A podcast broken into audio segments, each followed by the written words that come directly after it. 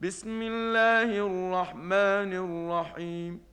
يا أيها النبي إذا طلقتم النساء فطلقوهن لعدتهن وأحصوا العدة. واتقوا الله ربكم لا تخرجوهن من بيوتهن ولا يخرجن إلا أن يأتين بفاحشة مبينة وتلك حدود الله ومن يتعد حدود الله فقد ظلم نفسه لا تدري لعل الله يحدث بعد ذلك أمرا فإذا بلغن أجلهن فأمسكوهن بمعروف أو فارقوهن بمعروف وأشهدوا ذوي عدل منكم وأقيموا الشهادة لله ذلكم يوعظ به من كان يؤمن بالله واليوم الآخر ومن يتق الله يجعل له مخرجا ويرزقه من حيث لا يحتسب ومن يتوكل على الله فهو حسبه ان الله بالغ امره قد جعل الله لكل شيء قدرا واللائي يئسن من المحيض من نسائكم إن ارتبتم فعدتهن ثلاثة أشهر واللائي لم يحضن.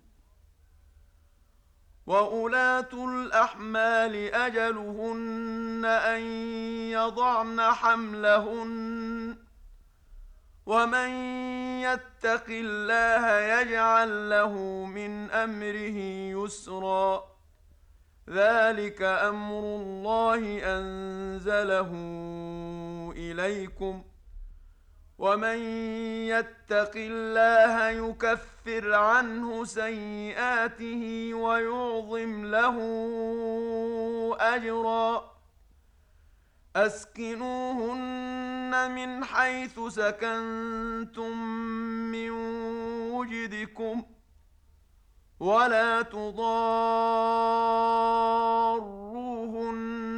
لتضيقوا عليهن وان كن اولات حمل فانفقوا عليهن حتى يضعن حملهن فإن أرضعن لكم فآتوهن أجورهن وأتمروا بينكم بمعروف وإن تعاسرتم فسترضع له أخرى لينفق ذو سعة من سعته ومن قدر عليه رزقه فلينفق مما اتاه الله لا يكلف الله نفسا الا ما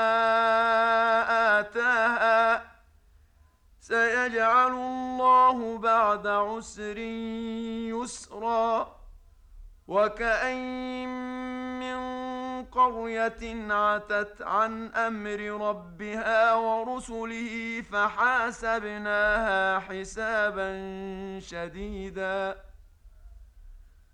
فحاسبناها حسابا شديدا وعذبناها عذابا نكرا. فذاقت وبال أمرها وكان عاقبة أمرها خسرا. أعد الله لهم عذابا شديدا. فاتقوا الله يا أولي الألباب الذين آمنوا. قد أنزل الله إليكم ذكرا. رسولا يتلو عليكم آيات الله مبينات ليخرج الذين آمنوا وعملوا الصالحات من الظلمات إلى النور. ومن يؤمن بالله ويعمل صالحا يدخله جنات تجري من تحتها الأنهار خالدين فيها أبدا. قد أحسن الله له رزقا. الله الذي خلق سبع سماوات ومن الأرض مثلهن. يتنزل الأمر بينهن لتعلموا أن الله على كل شيء قدير وأن الله قد أحاط بكل شيء علما